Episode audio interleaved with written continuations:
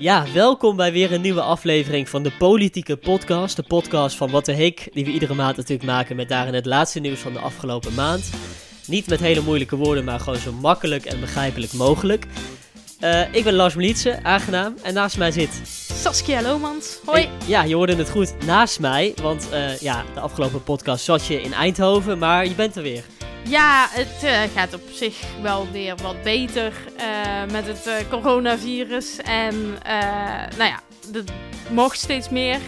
Dus ik dacht, ik doe een mondkapje op en ik kom weer naar Hilversum. Ik durf het weer. Ja, we zitten veilig op anderhalve meter afstand. Dus we Uiteraard. houden ons netjes aan alle richtlijnen van het RIVM natuurlijk. maar ja, heel fijn om face-to-face -face, weer te kunnen praten. Dus, ja, het is goed om je na, wat is het, twee maanden weer eens te zien. Ja, nou eens gelijks, inderdaad. Want we horen elkaar natuurlijk alleen. Uh, en we hebben denk ik heel veel te bespreken. Want uh, ja, het coronavirus houdt ons nog steeds uh, bezig natuurlijk. ook in de maand mei die we nu gaan bespreken. Dus, ja, maar het is wel de eerste... We hebben natuurlijk de afgelopen twee maanden gewoon zonder draaiboek... maar wat tegen je aangekletst. omdat corona echt alles overheerste. Nu zijn we weer een beetje terug bij wat we eerst altijd deden, hè? per week uh, doorspreken. En nou merkten we dat er toch ook wel weer heel veel ander politiek nieuws was, toch? Ja, ja. je merkt echt dat uh, de politici weer met andere dingen bezig zijn. Dat er ruzies zijn bij allerlei partijen. Dus uh, genoeg Oeh, te bespreken. Fitties. Ja, ruzies ga je zeker horen in deze podcast. Oké, okay, dus ik ga er maar mee beginnen, denk ik. Want we gaan de eerste week bespreken. De eerste week van mei. dat is de week die begon op 4 mei. Henk Krol stopt bij 50PLUS nadat er ruzie was bij de partij. Volgens Krol komt dat omdat er te veel ego's lid zijn van de partij. En daar kan hij naar eigen zeggen niet zo heel fijn mee samenwerken.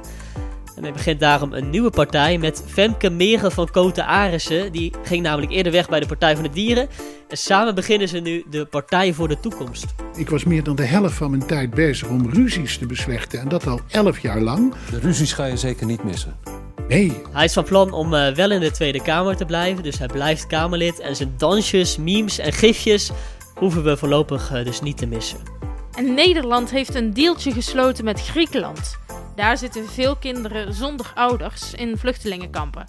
Het kabinet wil ze niet naar Nederland halen, maar ze wel helpen. En dus sturen ze geld naar Griekenland waarmee de Grieken weeshuizen kunnen opzetten.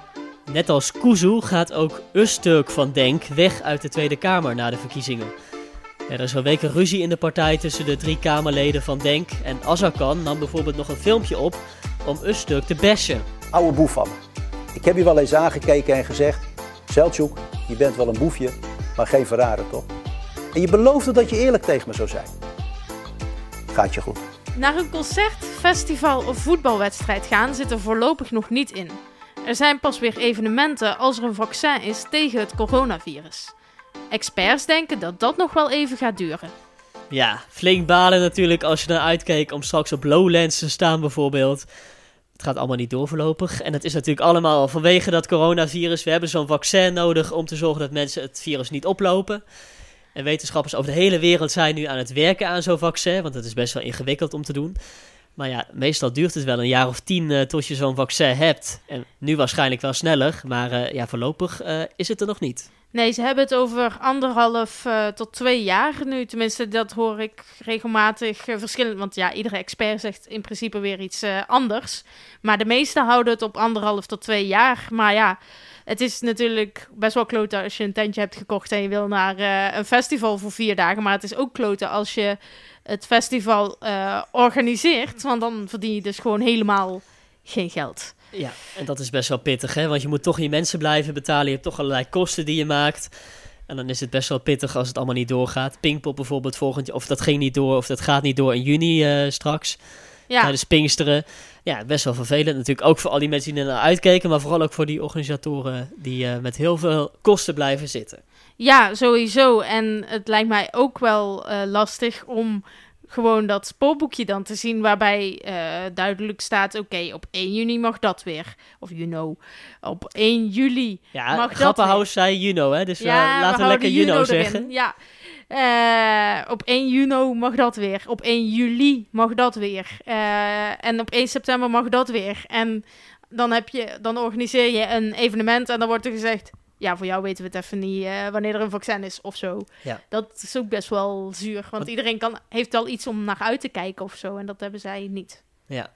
Er werd wel gezegd, 1 september is de datum waarop alles weer mag. Maar dat trekken ze er nu dus toch terug. Hè? Toch geen, één, geen evenementen op 1 september eh, straks. Nee, nee, want eh, ja, het risico is gewoon te groot dat daar te veel mensen ja, aan, elkaar aansteken. Als er maar eentje corona heeft, dan kunnen er zo duizend meer mensen besmet zijn. We gaan eh, meteen door met de tweede week van mei, die we bespreken in deze podcast. De week van 11 mei. Het zag er even heel slecht uit voor minister Bijleveld van Defensie. Maar ze is niet ontslagen. Wel kreeg ze heel veel kritiek over zich heen en een debat. Het ging over een bombardement van het Nederlandse leger in Irak, waarbij 70 mensen om het leven kwamen. En andere partijen waren er boos over dat zij van niks wisten. Het is te weinig, het is te laat en het gaat met overduidelijke tegenzin. Of, voorzitter, wil de minister de waarheid niet weten? Want die indruk krijg ik wederom. Net nu het weer rustig is bij de jongeren van Forum voor Democratie, na anti-Joodse grappen in de groepsapp, klappen de jongeren van de VVD eroverheen. Ook bij hun lekten appgesprekken uit met memes en stickers die verwijzen naar de nazi's. Zo is Wilders in een nazi-uniform te zien en bungelt Thierry Baudet aan een galg. De VVD gaat onderzoeken wie er precies achter zit.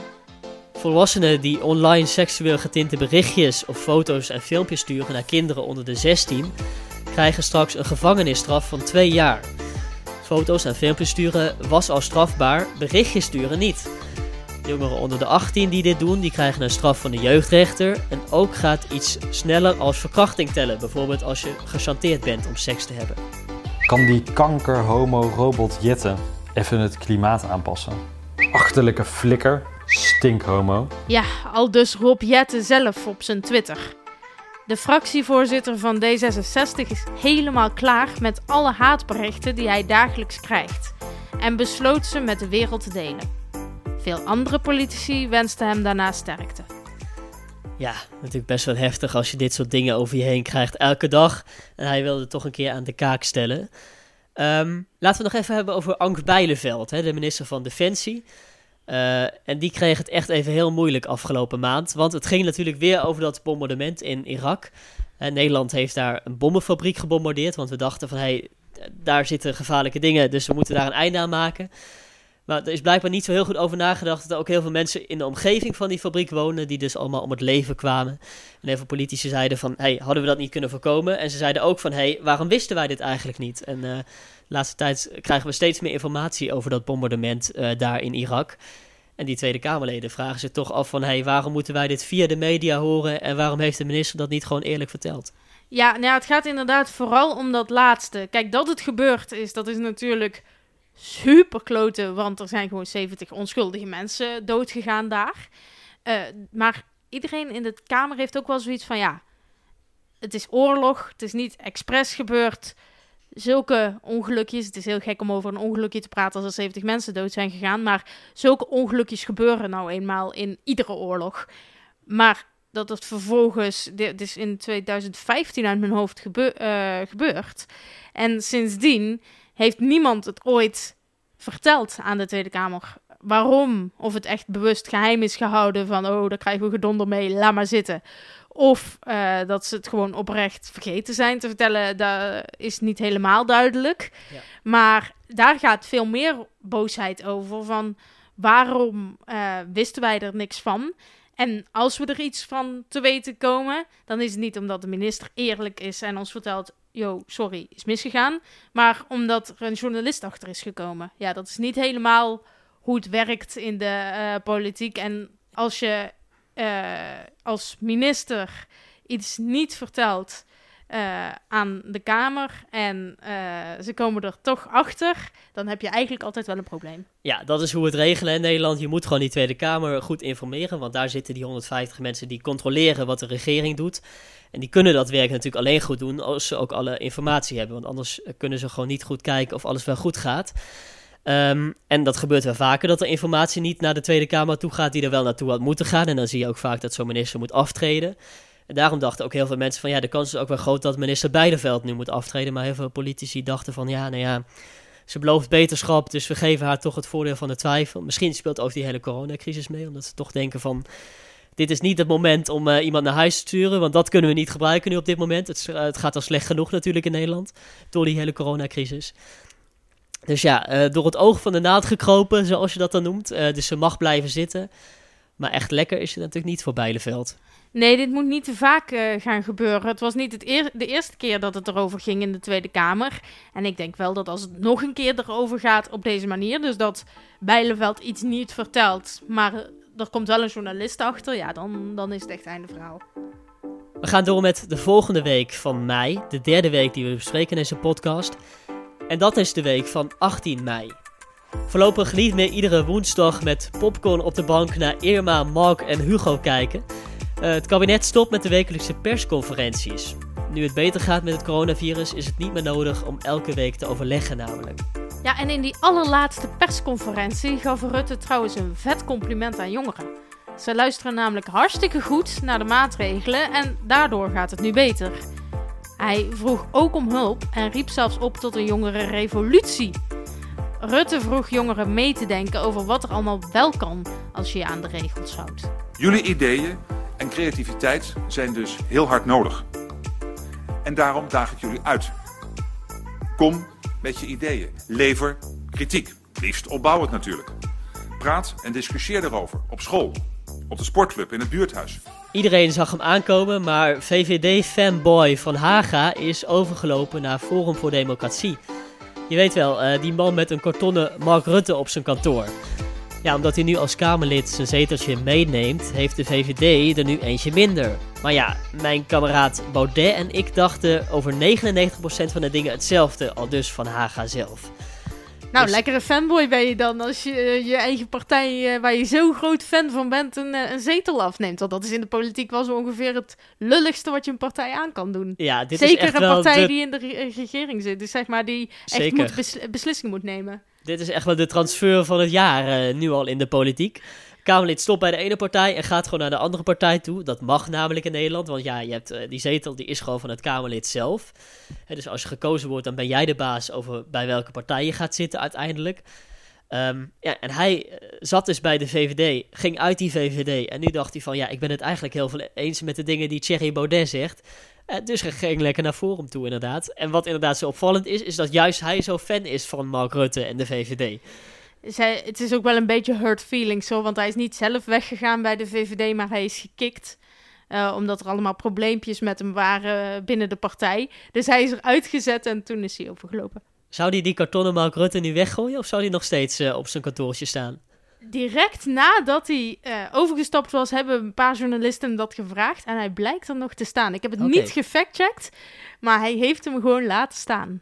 Ja, de revolutie dan, want daar kwam Mark Rutte ineens mee. Hij uh, richtte zich voor het eerst eigenlijk tijdens die persconferenties aan jongeren. Van, hey jongeren, let even op, want uh, we hebben jullie hulp nodig. En hij riep jongeren zelfs op tot een revolutie. En een woord revolutie, dat nemen politici niet heel snel in de mond. Dus het was wel opvallend uh, dat hij daarmee kwam. Viva la revolution, ja, dat is, dat is totaal niet VVD ook. Het is meer iets...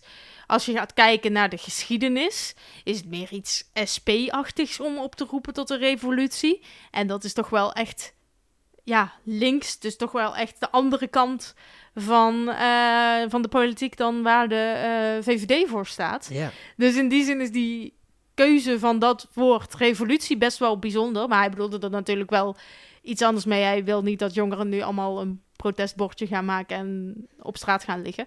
Maar uh, het idee hij... is dat ze vooral meedenken en dat ze een keer bij hem langskomen over te, om het erover te hebben. En ook dat ze op hun basisschool of op hun uh, sportclub meedenken over hey, hoe kunnen we dat anderhalf meter afstand houden zo slim mogelijk uh, doen. Ja, heel slim om dat woord natuurlijk bij de debatclubben. Ja, heel slim om dat woord revolutie dan te gebruiken. Want ja, weet je, hij heeft er alle, alle media mee gehaald natuurlijk. En alle aandacht mee gehaald. En het is nou, het is dus eigenlijk de bedoeling dat uh, jij als luisteraar mee gaat denken met Rutte. ja, over oké, we zitten nu met die anderhalve meter. Er mogen weer steeds meer dingen. Maar sommige dingen mogen wel, maar zijn toch best lastig als je op anderhalve meter afstand van elkaar moet blijven. Of met weinig mensen. Bijvoorbeeld een super dikke vissa geven als je je eindexamens hebt gehaald. Die er niet waren, maar als je je eh, diploma hebt gehaald. Eh, en dat zijn juist de dingen waarvan Rutte zegt: Yo, ik kan dit wel allemaal zelf gaan beslissen. Maar het is ook wel chill als jullie zelf meedenken. Ja, toch Dus wel dat mooi dat hij de jongeren ja. erbij betrekt eigenlijk. Dat jongeren toch het gevoel hebben van hey, we kunnen een beetje meedenken. Eh, dus dat is wel heel slim, toch? Ja, nee, zeker. Dus ja. Gaan we door met de laatste week eh, die we bespreken in deze podcast. Week 4 en dat is de week van 25 mei. Ja, de BOA's zijn boos. Eh, ze krijgen voorlopig van minister Grapperhaus geen wapenstok en pepperspray. De BOA's hadden daarom gevraagd omdat zij de afgelopen weken regelmatig zijn aangevallen en bespuugd. Grapperhaus vindt dat ze niet te veel op politie mogen gaan lijken. En als ze in de problemen komen, dan moeten ze zelf maar 112 bellen. Ja, Mark Rutte's moeder is op 13 mei overleden in een bejaardentehuis in Den Haag. Ze werd 96 jaar oud en Rutte zei in eerste instantie niks en werkte gewoon door. En op de dag van haar overlijden had hij zelfs nog gewoon een vergadering. En nadat bekend werd dat zijn moeder dood was, gaf Rutte trouwens wel een reactie. Hij zei dat hij naast heel verdrietig ook heel dankbaar is dat ze nog zo oud mocht worden. Ja, en boerenminister Carola Schouten die had een zware week. In Brabant bleken een aantal nertsen, een soort knaagdieren waar je bontjassen van kunt maken, besmet met corona. Ze bleken ook nog eens mensen te kunnen besmetten. Niet veel later ging het ook nog eens mis bij slachterijen. Die moesten dicht omdat veel medewerkers het virus hadden. Ja, Carola Schouten was heel druk inderdaad eh, deze maand. Zeker aan het eind van mei inderdaad. Want eerst had je dus inderdaad die kwestie met die, eh die nertsen, die kleine beestjes. Nou, het bleek dus dat die eh, het coronavirus hadden en dat ze het ook konden overbrengen op een mens. En dat is ook twee keer gebeurd, dat een mens corona kreeg doordat een nerts eh, dat virus had. En ja, best wel heftig. Dus er kwamen allerlei regels om te zorgen dat het allemaal veilig kan. Er mocht geen bezoek meer bij die nertsenfokkerijen en er werden allemaal protocollen opgesteld. En het ging dus ook mis bij die slachterijen, waar dus heel veel mensen werken uit Roemenië bijvoorbeeld. Ehm, die daar werken in die slachterijen, die komen echt hier naartoe, naar Nederland toe, om daar te werken. Maar ja, heel veel dingen gaan daar niet zo eh corona-proof eigenlijk. Nou ja, Dus, het eh, gaat vooral ook mis buiten de slachterijen zelf. Want je zegt het goed, eh, het zijn vooral Polen, Roemenen, Bulgaren, mensen uit Oost-Europese landen. En die komen hier echt alleen maar naartoe om te werken. En vaak dus ook tijdelijk. En dat betekent dat ze hier niet een huisje fixen, maar dat ze vaak eh, logeren op, eh, op campings of in eh, kleine appartementjes met andere medewerkers van hetzelfde bedrijf, hetzelfde, dezelfde slachterij. En nou ja, je kunt je voorstellen, als je met tien huisgenoten woont en je zit best wel dicht op elkaar. En je reist dan ook nog eens met die tien huisgenoten in een klein busje van plek naar plek. Ja, dan kun je op het, op, ja, op het slachthuis zelf genoeg bescherming hebben. Maar dan gaat het toch wel mis. Ja, want dat is hoe het gaat. Hè. Ze zitten in die kleine busjes inderdaad, allemaal zonder mondkapje op. En ja, dat, dat kan natuurlijk niet. Dan loop je het virus natuurlijk veel te snel op. Dus er kwamen ook allerlei regels voor die slachterijen, allerlei controles overal om te kijken of ze dat goed aanpakken. Eh, Ze ja, moesten zelfs dicht. Sommigen doorn dicht, bijvoorbeeld in Apeldoorn en in Helmond. Ja. Die moesten dicht omdat ze een steekproef hadden gedaan. Vanaf 1 juni kun je natuurlijk veel testen. Dus ze hadden eh, gezegd van... Oké, dan gaan we gewoon alle medewerkers van die slachthuizen eh, testen. En dan kijken we wel eh, wat eruit komt. En toen bleken er dus heel veel besmet te zijn met corona. Ja, toen moesten ze dicht. ja. Met het vlees is trouwens niks mis hè, uit die slachterijen. Dat is gewoon normaal vlees. Dus het is niet zo dat het virus nu op dat vlees zit of zo. Dus wat dat betreft eh, zit je nog safe. Maar ja, het gaat vooral om die medewerkers die werken daar. En die zo dicht op elkaar zitten, waardoor ze heel snel corona oplopen. Nee, en nog even ook belangrijk om eh, als disclaimer erbij te geven. eh, je kan alleen maar corona krijgen van een nerts, zegt het RIVM, als je ook echt op de nertse boerderij bent. Dus het is niet zo dat je nu buiten loopt en denkt... Fuck, zit hier ergens een nertse boerderij in de buurt, want dan ben ik echt de lul. Nee, Ja. zo is het niet. Echt alleen als je op die boerderij bent, kan het zijn dat een nerts jou aansteekt. Ook wel opvallend, want die nertsenfokkerijen die stoppen binnenkort. Hè. Gaan- daar willen ze echt een einde aan maken dat je nertsen kunt houden. Die worden vooral eh, gehouden om bont van te maken. En dan worden ze doodgemaakt en dan maken ze er bont van dus, voor een jas bijvoorbeeld. Maar in 2024 komt er echt een einde aan die nertsenfokkerijen. Dus we zitten, ja, als het, einde, als, het, als het iets eerder waren gekomen met dat einde aan die nertsenfokkerijen, hadden we dit hele probleem misschien helemaal niet gehad.